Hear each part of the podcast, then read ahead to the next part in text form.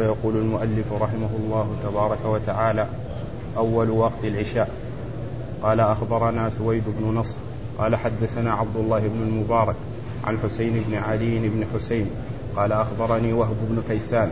قال حدثنا جابر بن عبد الله رضي الله عنه أنه قال جاء جبريل عليه السلام إلى النبي صلى الله عليه وسلم حين زالت الشمس فقال قم يا محمد. قم يا محمد فصل الظهر حين مالت الشمس. ثم مكث حتى إذا كان فيء الرجل مثله جاءه للعصر. فقال قم يا محمد فصل العصر.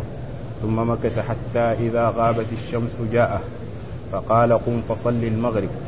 فقام فصلاها حين غابت الشمس سواء. ثم مكث حتى إذا ذهب الشفق جاءه. فقال قم فصل العشاء. فقام فصلاها. ثم جاءه حين سطع الفجر في الصبح فقال قم يا محمد فصل فقام فصلى الصبح. ثم جاءه من الغد حين كان فيء الرجل مثله فقال فقال قم يا محمد فصلي فصلى الظهر. ثم جاء ثم ثم جاءه جبريل عليه السلام حين كان فيء الرجل مثليه فقال قم يا محمد فصل فصل فصلى العصر. ثم جاءه للمغرب حين غابت الشمس وقتا واحدا لم يزل عنه. فقال قم فصل فصلى المغرب. ثم جاءه للعشاء حين ذهب ثلث الليل الأول. فقال قم فصل فصلى العشاء. ثم جاءه للصبح حين أسفر جدا. فقال قم فصل فصلى الصبح. فقال ما بين هذين وقت وقت كله. بسم الله الرحمن الرحيم. الحمد لله رب العالمين وصلى الله وسلم وبارك على عبده ورسوله نبينا محمد وعلى آله وأصحابه أجمعين. أما بعد يقول النسائي رحمه الله باب إيش؟ أول وقت العشاء. باب أول وقت العشاء. لأن الآن لما فرغ المصنف من التراجم المتعلقة بصلاة المغرب وما قبلها من الصلوات اللي هي الظهر والعصر انتقل بعد ذلك إلى صلاة العشاء فقال باب أول وقت العشاء. باب أول وقت العشاء. وكان من عادته أنه يترجم لكل صلاة عدة تراجم.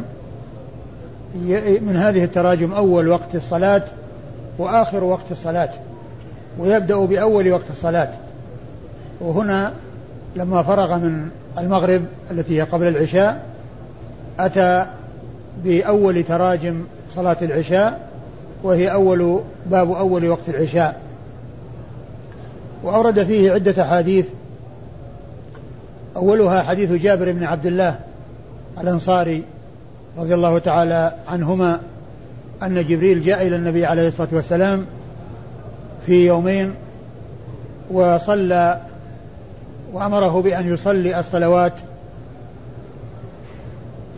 الخمس في أحد اليوم الأول في أول الوقت وفي اليوم الثاني في آخر الوقت.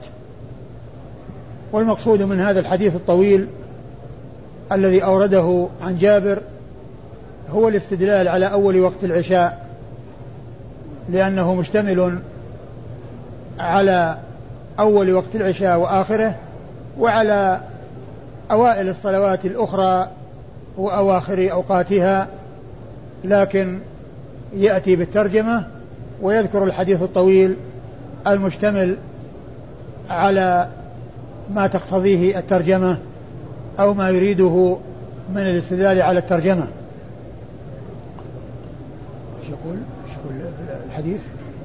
قال جاء جبريل, جاء جبريل عليه السلام إلى النبي صلى الله عليه وسلم حين زالت الشمس فقال قم يا محمد فصل الظهر حين مالت الشمس. جاء جبريل إلى النبي عليه الصلاة والسلام حين زالت الشمس وقال له قم فصل الظهر. فصلاها حين مالت الشمس يعني حيث زالت. فصلاها حيث زالت الشمس وهذا هو أول وقت صلاة الظهر.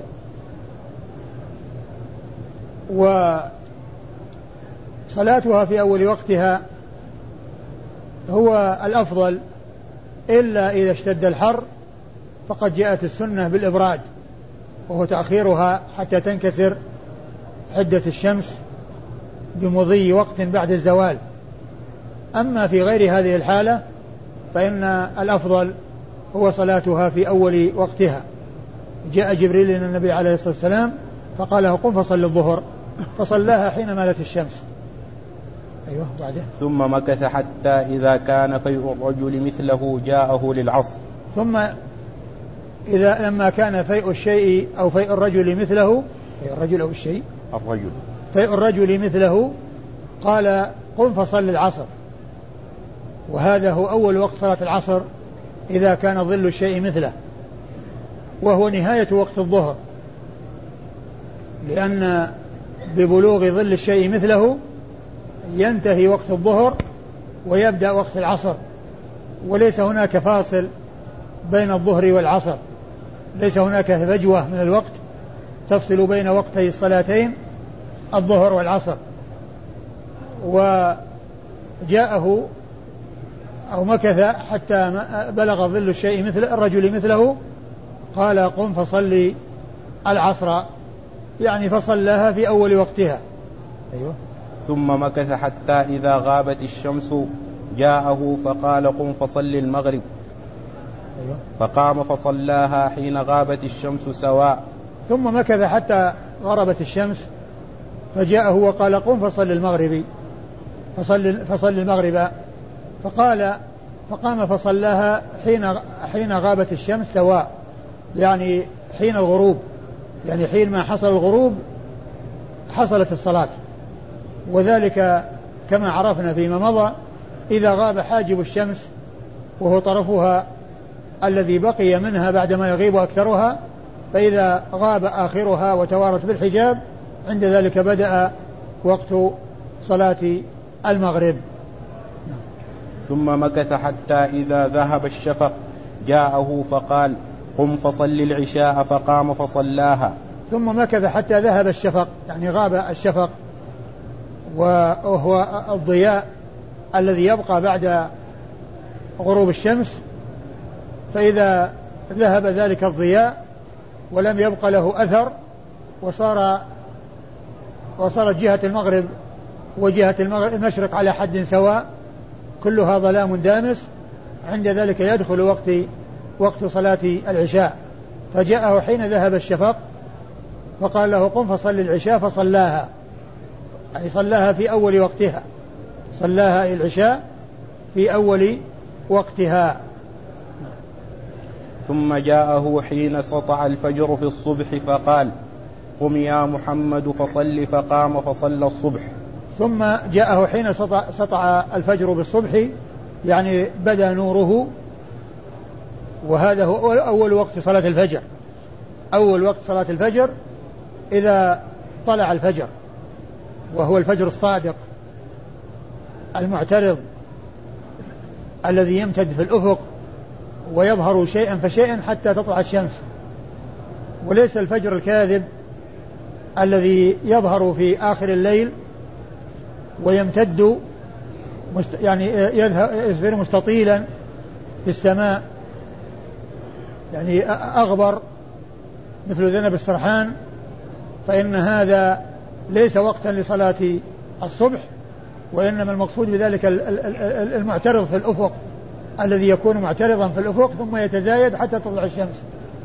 فلما سطع الفجر يعني ظهر النور وبدأ النور وذلك بطلوع الفجر الصادق جاءه وقال قم فصل الفجر فصلاها. وهذا في اليوم الأول ذكر فيه الصلاة أو أمره بأن يصلي الصلوات في أول أوقاتها في أوائل أوقاتها بدءا بالظهر وانتهاء بالفجر نعم. ثم جاءه من الغد حين كان فيء الرجل مثله فقال قم يا محمد فصلي فصلى الظهر ثم جاءه من الغد يعني في اليوم الثاني حين كان ظل الشيء مثله وقال قم فصل الظهر فصلاها. وهذا في آخر وقتها. يعني في آخر وقت صلاة الظهر عندما يبلغ ظل الشيء مثله آه، آه، آه، هو آخر وقت صلاة الظهر وبعده مباشرة أول وقت صلاة العصر. ثم جاءه جبريل عليه السلام حين كان فيء الرجل مثليه فقال قم يا محمد فصلي فصلى العصر. ثم جاءه حين كان ظل الرجل مثليه وقال له قم يا محمد فصلي فصلى العصر. وهذا هو أول وقت وهذا هو آخر وقت صلاة العصر أي الوقت الاختياري. لأن أول وقتها الاختياري أول وقتها هو عندما يبلغ ظل الشيء الرجل, الرجل مثله الذي هو نهاية الظهر ويستمر حتى يكون ظل الشيء مثليه. حتى يكون ظل الشيء مثليه وهذا هو نهاية الوقت الاختياري وبعده يبدأ الوقت الاضطراري الذي لا يجوز للإنسان أن يؤخر إليه لكنه لو اضطر وحصل له نوم أو حصل نسيان أو حصل يعني آه، شيء يعني آه، شغله وغفل عن آه، الوقت ثم صار في بعد أن يكون ظل الشيء مثليه فإنه يصلي العصر وفي في وقتها لكنه ليس وقتا اختياريا وإنما وقت اضطراري. إذا بلغه الإنسان مضطرا فإن الصلاة في وقتها. لكن لا يجوز للإنسان يبلغه مختارا. لا يجوز للإنسان أن يبلغه مختارا. وإنما إذا اضطر فصلاته في الوقت. وقد جاء في الحديث من أدرك ركعة من العصر قبل أن قبل أن تغرب الشمس فليتم صلاته. يعني معناه أنه أدرك الصلاة أدرك الصلاة في الوقت لأن الوقت الاضطراري نهاية غروب الشمس. نهايته غروب الشمس. ومن أدرك ركعة من العصر قبل الغروب فإنه يكون مدركا لصلاة العصر في وقتها. لكن هذا في حال اضطرار. وجبريل جاءه جاءه في اليوم الثاني حين كان ظل الشيء مثليه الذي هو نهاية الوقت الاختياري. وقال قم فصل العصر فصلاها. ثم جاءه للمغرب حين غابت الشمس وقتا واحدا لم يزل عنه. فقال, ثم. فقال فقال قم فصل فصل فصلى المغرب. ثم جاءه بعدما غابت الشمس وقال له قم فصل المغرب وقتا واحدا لم يزل عنه. يعني في اليوم الأول وفي اليوم الثاني جاءه بعد غروب الشمس. وقد سبق أن مر الحديث عن جابر رضي الله عنه أنه جاءه في اليوم الثاني حين غابت الشمس وهو مطابق لما هنا. ومعناه أن في حديث جابر ما ذكر أولا وآخرا بالنسبة للمغرب وإنما ذكر وقتا واحدا هو الأول. لكنه جاء في حديث غيره وفي الأحاديث المتعددة الكثيرة آه أن الرسول عليه الصلاة والسلام جاءه جبريل يعني آه, آه، عندما كاد الشفق أن أن يغرب وصلى المغرب فوقتها مغيب الشفق نهاية وقتها مغيب الشفق وبدء صلاة العشاء إذا غاب الشفق بدأ وقت العشاء. ففي حديث جابر هذا والرواية التي تقدمت أنه لم يكن هناك آه، أول وآخر بالنسبة لصلاة المغرب بل آه، في اليوم الأول وفي الثاني بعد الغروب. صلاة المغرب بعد الغروب. لكن كما ذكرت الأحاديث الأخرى جاءت مبينة أول وقت وآخره وأن أوله غروب الشمس وآخره عند قرب غيبوبة الشفق. ثم جاءه للعشاء حين ذهب ثلث الليل الأول. فقال قم فصل وصلى العشاء ثم جاءه للعشاء حين ذهب ثلث الليل الأول وقال له قم فصل العشاء وقد ذكرنا وقد عرفنا فيما مضى أن الروايات أو بعض الروايات جاءت أو بعض الأحاديث جاءت بأنها منتصف الليل. فيكون, فيكون الوقت الاختياري نهايته منتصف الليل. نهايته منتصف الليل. وبعد منتصف الليل إلى طلوع الفجر الثاني يكون وقتا اضطراريا. يكون وقتا اضطراريا. يعني معناه من اضطر من كان نام واستيقظ بعد نصف الليل يصلي العشاء في وقتها. لكن ليس للإنسان مختارا أن يؤخر الصلاة إلى ما بعد نصف الليل. ليس للإنسان مختارا أن يؤخر الصلاة إلى بعد نصف الليل. يأثم بالتأخير. تعديتها الوقت الاختياري الوقت المختار يأثم به. أما إذا كان مضطرا فإن صلاته بعد منتصف الليل صلاة في الوقت. صلاة في الوقت. ثم جاءه للصبح حين أسفر جدا فقال قم فصل فصلى الصبح فقال ما بين هذين وقت كله. ثم جاءه بعدما أسفر جدا. يعني معناه أن, أن, أن, أن الإسفار حصل وكادت الشمس أن تغرب أن تطلع. فعند ذلك جاءه وقال قم فصل الفجر. فصلاها. ثم قال ما بين ما بين هذين الوقتين وقت. يعني وقت كله. يعني ما بين الوقتين كله وقت. سواء الإنسان صلاها في أول الوقت أو في وسطه أو في آخره. كل ذلك وقت كل ذلك وقت للصلاة. صلاتها في أول وقتها وفي وسط وقتها وفي آخر وقتها كل ذلك وقت. أخبرنا سويد بن نصر. أخبرنا سويد بن نصر. سويد بن نصر هو المروزي ويلقب الشاه وهو ثقة خرج حديثه الترمذي والنسائي وهو راوية عبد الله بن المبارك. راوية عبد الله بن المبارك وهو مروزي كما أن عبد الله بن المبارك مروزي وهو راويته وهو ثقة خرج حديثه الترمذي والنسائي. أيوه. عن عبد الله المبارك وعبد الله المبارك هو المروزي وهو ثقة ثبت إمام جواد مجاهد ذكر الحافظ بن حجر في التقريب جملة من أوصافه وقال جمعت فيه خصال الخير. وقال جمعت فيه خصال الخير. وحديثه أخرجه أصحاب الكتب الستة. حديثه عبد, عبد الله المبارك أخرجه أصحاب الكتب الستة. نعم. عن حسين بن علي بن حسين. عن حسين بن علي بن حسين. حسين بن علي بن حسين بن علي بن أبي طالب الهاشمي وهو ثقة مقل من الحديث. ثقة مقل من الحديث. وحديثه أخرجه الترمذي والنسائي. مثل مثل سويد بن نصر خرج له الترمذي والنسائي وهو ثقة مقل من رواية الحديث يعني حديثه قليل. قال أخبرني وهب بن كيسان. قال أخبرني وهب بن كيسان. وهب بن كيسان ثقة خرج حديثه الجماعة. ثقة خرج حديثه أصحاب الكتب الستة.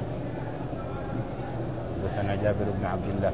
حدثنا جابر بن عبد الله الأنصاري صاحب رسول الله عليه الصلاة والسلام ورضي الله تعالى عنه وعن الصحابة أجمعين وهو أحد السبعة المكثرين من رواية حديث رسول الله عليه الصلاة والسلام من أصحابه ستة من الرجال وامرأة واحدة هي أم المؤمنين عائشة وهي وهم الذين جمعهم السيوطي في ألفيته في قوله والمكثرون في رواية الأثر أبو هريرة يليه بن عمر وأنس والبحر كالخدري وجابر وزوجة النبي. فجابر هو أحد السبعة الذين رووا الحديث الكثير عن رسول الله عليه الصلاة والسلام والذين زادت أحاديثهم على ألف حديث. باب تعجيل العشاء. قال أخبرنا عمرو بن علي ومحمد بن بشار. قال حدثنا محمد قال حدثنا شعبة عن سعد بن إبراهيم عن محمد بن عمرو بن, بن حسن قال قدم الحجاج فسألنا جابر بن عبد الله رضي الله عنهما فقال كان رسول الله صلى الله عليه وسلم يصلي الظهر بالهاجرة والعصر والشمس بيضاء نقية والمغرب إذا وجبت الشمس والعشاء أحيانا كان إذا رآهم قد اجتمعوا عجل وإذا رآهم قد أبطأوا أخر. ثم أورد النسائي تعجيل صلاة العشاء. تعجيل صلاة العشاء يعني صلاتها في أول وقتها. صلاتها في أول وقتها. لأن الترجمة السابقة هي لبيان أول الوقت لبيان أول الوقت وهنا الترجمة لتعجيل الصلاة في أول الوقت لتعجيل الصلاة وتقديمها في أول وقتها. فالترجمة تعجيل العشاء. وقد أورد في حديث من؟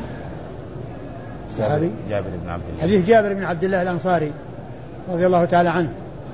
أنه آه سئل حين قدم الحجاج عن وقت صلاة رسول الله عليه الصلاة والسلام فقال قال إيش؟ كان رسول الله صلى الله عليه وسلم يصلي يصلي الظهر بالهاجرة. كان يصلي الظهر بالهاجرة. يعني منتصف النهار عندما تزول الشمس. الهاجرة هي منتصف النهار. عندما ينتصف النهار وتزول الشمس كان عليه الصلاة والسلام يصليها يعني في أول وقتها. المقصود منه أنه كان يصلي الظهر في أول وقتها. وهذا هو المقصود بالهاجرة. أيوة. والعصر والشمس بيضاء نقية. والعصر والشمس بيضاء نقية يعني في أول وقتها في حال شدتها وحرارتها وبياضها. نعم. والمغرب إذا وجبت الشمس. والمغرب إذا وجبت الشمس يعني إذا غابت الشمس وجبت يعني سقطت يعني في آه، آه، عن الأعين وغابت عن الأعين كان يصليها عليه الصلاة والسلام. والوجوب هو السقوط. يعني سقط سقط آخرها بمعنى أنها غابت وذهبت عن الأبصار. فهذا هو هذا هو وقت أول وقت صلاة المغرب. وكان يصليها أي المغرب إذا وجبت الشمس. أيوة. والعشاء أحيانا كان إذا رآهم قد اجتمعوا عجل وإذا رآهم قد أبطوا أخر. والعشاء أحيانا يعني بالنسبة لأول وقت لأنه ذكر أوائل الأوقات. بالنسبة للظهر والعصر والمغرب ثم قال العشاء أحيانا. يعني معناه أنه يصليها في أول وقتها أحيانا. إن رآهم عجلوا عجل وإن رآهم أخروا أخر. إن رآهم أبطأوا أو أخروا وإذا رآهم قد أبطأوا أخر. وإذا رآهم قد أبطأوا أخر. يعني أخر الصلاة. فقوله آه، محل الشاهد منه إذا رآهم عجلوا عجل يعني عجل صلاة العشاء. يعني إذا اجتمع الناس فإنه يبادر إلى الصلاة في الوقت. وإذا تأخروا فإنه ينتظر. ومن المعلوم أن تأخير الصلاة مستحب صلاة العشاء. لكن آه، مراعاة المصلحة بالصلاة في أول وقتها وعدم المشقة على الناس فإنها تصلى في أول الوقت تصلى في أول الوقت. ولهذا كان آه، يراعي المصلحة إذا رآهم عجلوا عجل وإذا رآهم قد أبطأوا أخر. ومحل الشاهد من إرادة الحديث للترجمة وإذا رآهم إذا رآهم عجلوا عجل. يعني عجل الصلاة في أول وقتها. عجل الصلاة وصلاها في أول وقتها. والحديث يقول فيه قدم الحجاج. فسألنا جابرا سألنا جابرا. فسألنا جابر بن عبد الله قال كان رسول الله. فسألنا جابرا عن يعني الوقت ولعل ذكر الحجاج يعني في ذكر قدومه وأنهم سألوا عندما قدم يعني لعله ليسمع الجواب وأنهم كانوا يؤخرون الصلاة. كانوا يؤخرون الصلاة فأرادوا أن يسمع الجواب لعلهم أرادوا أن يسمع الجواب بأن الصلاة تصلى في أول وقتها. تصلى في أول وقتها. ومن المعلوم أن الصلاة في آخر وقتها إذا كان مختارا أنه سائق ولكن المبادرة إليها في أول وقتها هذا هو الذي ينبغي وهذا هو المطلوب لأن فيه مسارعة إلى إلى أداء الواجب ومسارعة إلى الخيرات وحرص على الاتيان بالصلاة من حين ما تجب الصلاة. نعم. الشيخ الحسين بن علي بن حسين يقول صاحب التقريب أنه صدوق الحسين بن علي يقول صاحب التقريب أنه صدوق؟ صدوق. الذي هو روى له الترمذي والنسائي؟ أنا قلت ثقة؟ أي نعم. آه. أنا أنا قلت ثقة خطأ وهو صدوق. يعني ذكر الحافظ في التقريب أنه قال صدوق حسين بن علي ابن حسين ابن علي بن أبي طالب. صدوق خرج حديثه الترمذي والنسائي. يعني بدل ثقة يكتب صدوق. أيوة. أخبرنا عمرو بن علي ومحمد بن بشار. أخبرنا عمرو بن علي ومحمد بن بشار. عمرو بن علي هو الفلاس وهو ثقة ناقد من النقاد المتكلمون من المتكلمين في الرجال في الجرح والتعديل وكلامه في الرجال كثير. عندما يقال قال الفلاس كذا المراد به عمرو بن علي هذا. عندما يقال قال الفلاس أو وثقه الفلاس وقال الفلاس ثقة وقال الفلاس ضعيف. المراد به عمرو بن علي هذا فهو ناقد محدث ناقد متكلم في الرجال وكلامه كثير في الرجال في توثيقهم وتضعيفهم وبيان أحوالهم وهو آه ثقة خرج حديثه أصحاب الكتب الستة. أما محمد بن بشار فهو ملقب بندار. الملقب بن دار وهو من صغار شيوخ البخاري. وهو شيخ لأصحاب الكتب الستة. شيخ لأصحاب الكتب الستة كلهم روى عنه مباشرة وبدون واسطة. و ومثله في كون في آه، كونه شيخا لأصحاب الكتب الستة محمد بن مثنى ويعقوب بن إبراهيم الدورقي. فإن هؤلاء الثلاثة كلهم شيوخ لأصحاب الكتب الستة وكلهم ماتوا قبل وفاة البخاري بأربع سنوات الثلاثة. محمد بن بشار ومحمد ومحمد بن المثنى آه ويعقوب بن إبراهيم. لا عمرو بن علي وهو شيخ لأصحاب الكتب الستة. محمد بن بشار ومحمد بن مثنى و آه ويعقوب بن إبراهيم الدورقي. هؤلاء الثلاثة شيوخ لأصحاب الكتب الستة يعني مثل محمد بن بشار هذا محمد بن مثنى ويعقوب بن إبراهيم الدورقي. وكانت وفاة الثلاثة في سنة واحدة وهي سنة 252 قبل وفاة البخاري بأربع سنوات. يعني البخاري توفي 256 وشيوخه الثلاثة. بل شيوخ أصحاب الكتب الستة جميعا روى عنهم مباشره بدون واسطة ماتوا في سنة 52 و200 نعم. قال حدثنا محمد. قال حدثنا محمد ومحمد هو بن جعفر الملقب غندر. محمد بن جعفر غندر هذا هو محمد المهمل ويسمى الرجل عندما يذكر في الإسناد غير منسوب يسمى يقال له المهمل. أما إذا لم يذكر اسمه ولكن قيل رجل عن رجل فهذا لا يقال له مهمل ولكن يقال له مبهم. هذا نوع يسمى المبهم وهذا يقال له المهمل. والمهمل يعرف نسبه وتسميته عن طريق الشيوخ والتلاميذ. بمعرفة الشيوخ والتلاميذ. وهنا يروي عن شعبة. أي نعم. وهنا يروي عن شعبة ويروي عن محمد بن بشار. وإذا جاء عن محمد يروي عن شعبة ويروي عن محمد بن بشار فالمراد به غندر محمد بن جعفر. وهو ثقة خرج حديثه أصحاب الكتب الستة. أما شعبة فهو ابن الحجاج وهو ثقة آه وصف بأنه أمير المؤمنين في الحديث وهذا من أعلى صيغ التعديل وأرفع صيغ التعديل وهي صيغة آه وصف وصف بها قليل أو عدد نادر قليل من المحدثين منهم شعبة ابن الحجاج هذا وحديثه عند أصحاب الكتب الستة. حديثه عند أصحاب الكتب الستة. عن سعد بن إبراهيم. عن سعد بن إبراهيم ابن عبد الرحمن بن عوف. وهو ثقة عابد خرج حديثه أصحاب الكتب الستة. عن محمد بن عمرو بن حسن. عن محمد بن عمرو بن حسن ابن علي بن أبي طالب. محمد بن عمرو ابن حسن ابن علي ابن أبي طالب وهو ثقة خرج حديثه أصحاب الكتب الستة إلا ابن ماجه فقد روى له في التفسير. ما روى له في السنن؟ روى له في التفسير ولم يروي له في السنن. هكذا؟ شوف لا أكون يعني لا أكون وهمت فيه ها؟ مسلم وداود النسائي ها؟ البخاري ومسلم وأبي داود النسائي تقريبا. بس؟ آه. إذا هو غيره. البخاري ومسلم وأبو داود والنسائي. خرج له الشيخان واثنان من أصحاب السنن. يعني الذي آه خرج له أصحاب الكتب الستة إلا من ماجه في التفسير سيأتي. آه خرج له البخاري ومسلم والنسائي وأبو داود والنسائي وأبو داود والنسائي. أبو داود والنسائي من أصحاب السنن لم يخرج له الترمذي ولا من ماجه وخرج له الشيخان. هذا محمد ابن عمرو ابن حسن ابن علي ابن أبي طالب.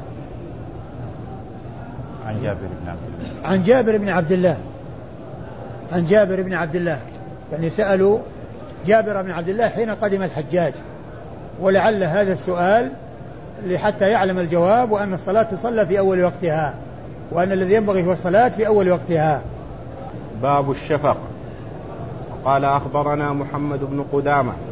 قال حدثنا جرير عن رقبة عن جعفر بن إياس عن حبيب بن سالم عن النعمان بن بشير رضي الله عنه أنه قال أنا أعلم الناس بميقات هذه الصلاة بهذه الصلاة عشاء الآخرة. كان رسول الله صلى الله عليه وسلم يصليها لسقوط القمر لثالثة. ثم أورد النسائي هذه الترجمة وهي باب الشفق. والشفق كما عرفنا هو زوال الضوء الذي يكون بعد غروب الشمس. وقد مر في أحاديث عديدة في بيان صلاة المغرب أي آخر وقتها. وأول وقت صلاة العشاء أن غيبوبة الشفق يحصل بها دخول وقت صلاة العشاء و وقبل ذلك من حين الغروب إلى حين الغروب من حين غروب الشمس إلى غروب إلى غيبوبة الشفق وقت لصلاة المغرب. وقد جاء ذكر الشفق في أحاديث كثيرة مضت في بيان وقت صلاة المغرب أي آخرها ووقت صلاة العشاء أولها أول صلاة العشاء. وهنا قال باب الشفق. وأورد فيه حديث النعمان بن بشير من طريقين. وليس فيه ذكر الشفق ولكن فيه ذكر وقت صلاة العشاء وأنها عند غياب القمر لليلة ثالث عند غياب القمر لليلة الثالثة من الشهر. ليس فيه تنصيص على ذكر الشفق ولكن فيه إشارة إليه. لأن مغيب القمر ليلة ثالث من الشهر تكون عند دخول الوقت. فاستفادة الشفق أو الدلالة على الشفق لا يدل صراحة ونصا وإنما يدل آه يعني آه احتمالا آه أو أو فهما وليس نصا لأن النص ما في ذكر الشفق. لكن فيه إن أنه كان يصلي العشاء عند غيبوبة القمر لليلة لليلة الثالثة من الشهر. الليلة الثالثة من الشهر. فيقول أن آه، النعمان بن بشير رضي الله تعالى عنه أنا أنا أعلم أنا أعلم الناس بميقات هذه الصلاة. أنا أعلم الناس بميقات هذه الصلاة صلاة العشاء الآخرة. أيوه كان رسول كان رسول الله صلى الله عليه وسلم يصليها لسقوط القمر لثالثة كان يصليها لسقوط القمر لثالثة. يعني لليلة الثالثة من الشهر إذا سقط القمر غاب فكان يصليها يعني في أول وقتها. وذلك يعني معناه إذا غاب الشفق. ومعنى هذا إذا غاب الشفق. فاستفادة الشفق هو بالمفهوم واللزوم وليس عن طريق النص. لأن وقت سقوط القمر هو غيبوبة الشفق. يعني ليلة الثالث. أخبرنا محمد بن قدامة. أخبرنا محمد بن قدامة. محمد بن قدامة ابن محمد ابن خرزاز وهو ثقة خرج حديثه أبو داود والنسائي. ثقة خرج حديثه أبو داود والنسائي. قال حدثنا جرير. قال حدثنا جرير وهو ابن عبد الحميد. الضبي الكوفي وهو ثقة خرج حديثه أصحاب الكتب الستة. عن رقبة. عن رقبة المصقلة العبدي الكوفي وهو آه شوف هو هذا الذي خرج له الجماعة إلا ابن ماجه في التفسير؟ أي نعم. نعم. وقد خرج لرقبة بن مسقلة العبدي الكوفي الجماعة إلا ابن ماجه فلم يخرج له في السنن وإنما خرج له في التفسير. لأنه رمز له بالفاء والقاف. القاف لابن ماجه والفاء للتفسير. القاف لابن ماجه يعني القزويني مأخوذة من من حرف من من آه، نسبته إلى قزوين. فيرمز له بالقاف. والفاء للتفسير.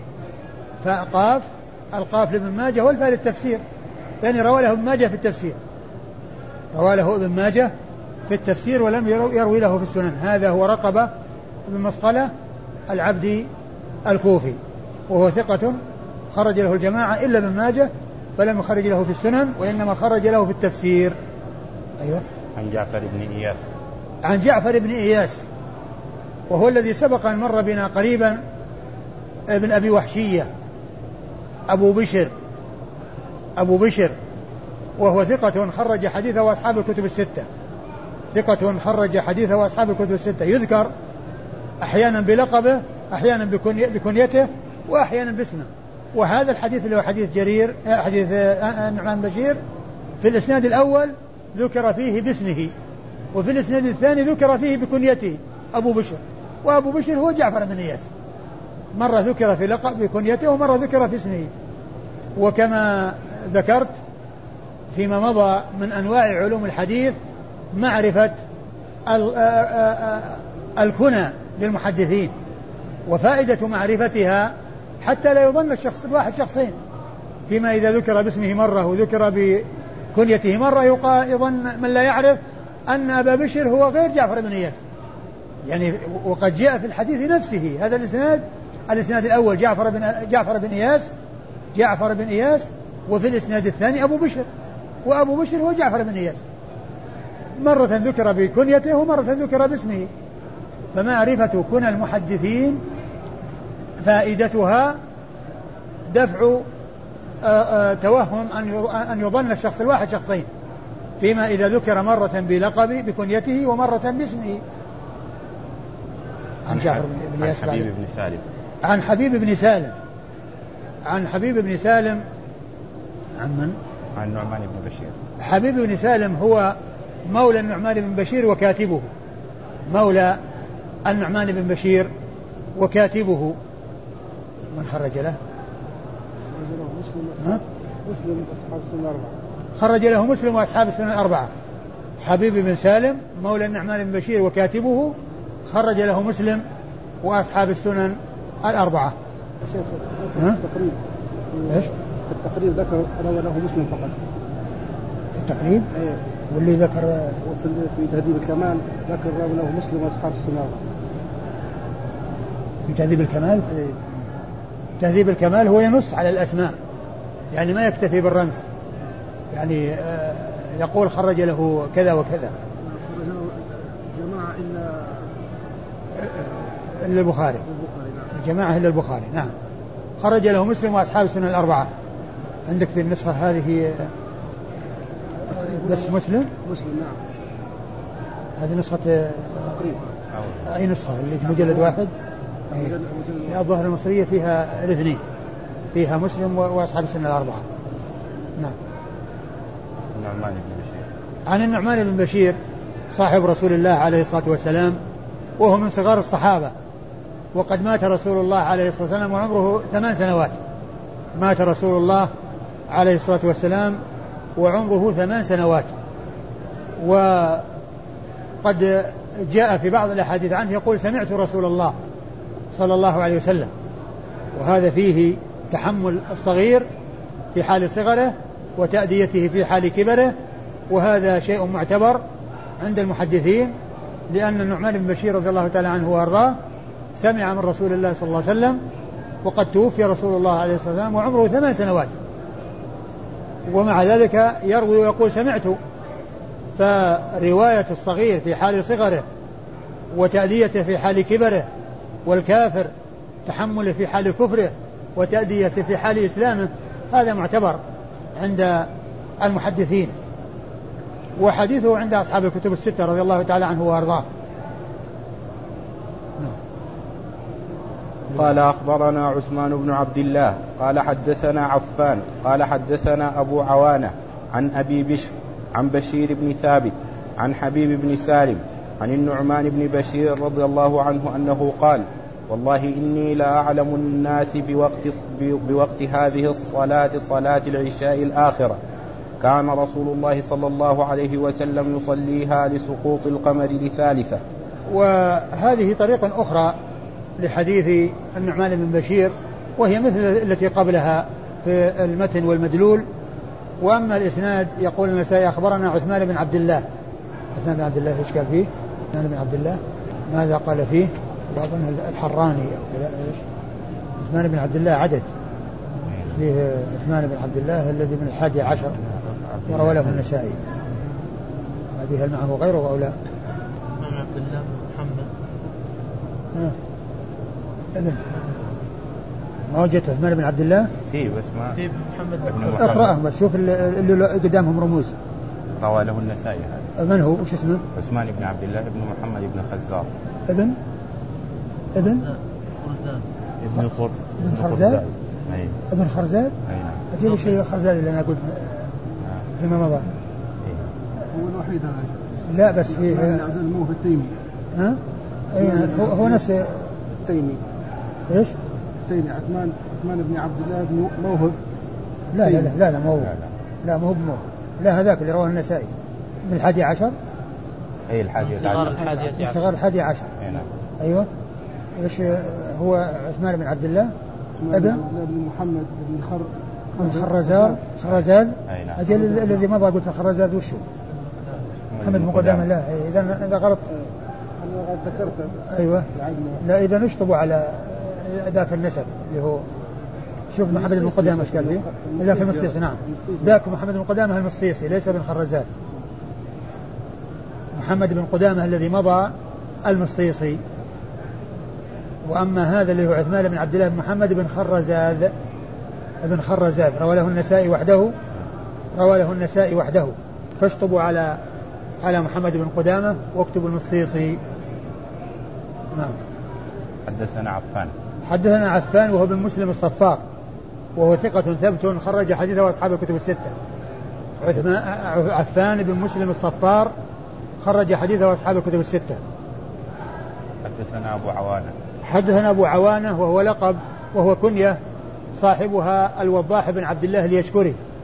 الوضاح ابن عبد الله اليشكري وهو ثقة ثبت أيضا خرج حديثه أصحاب الكتب الستة.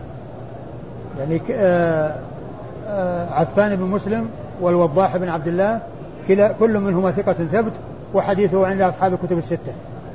أيوة. عن عن أبي بشر. عن أبي بشر وهو جعفر بن إياس الذي تقدم في الإسناد الذي قبل هذا. ذكر في هذا الإسناد بل- بكنيته وفي الإسناد الأول باسمه ونسبه. وحديثه عند أصحاب الكتب الستة كما عرفنا. أيوه. عن بشير بن ثابت. عن بشير ابن ثابت الأنصاري آه، من خرجه؟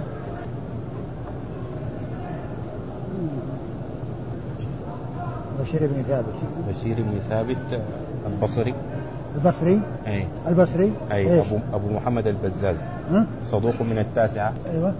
من رواله آه ابن ماجه والبخاري في ختامه تعليقا البخاري تعليقا وابن ماجه. ما في النسائي؟ ما في. اذا غيره شوف الثاني غيره. إيه، بشير. بشير بشير بن ثابت بن ثابت الأنصاري مولاهم. أيوه. بصري ثقة من السادسة. البصري ثقة من من إيش؟ من السادسة. من السادسة. روى له؟ آه أبو داود والترمذي والنسائي. أي نعم هذا هو. أبو داود والترمذي والنسائي. وهو بصري ثقة. بصير بن ثابت الأنصاري بصري ثقة. خرج له أبو داود والترمذي والنسائي. والنسائي.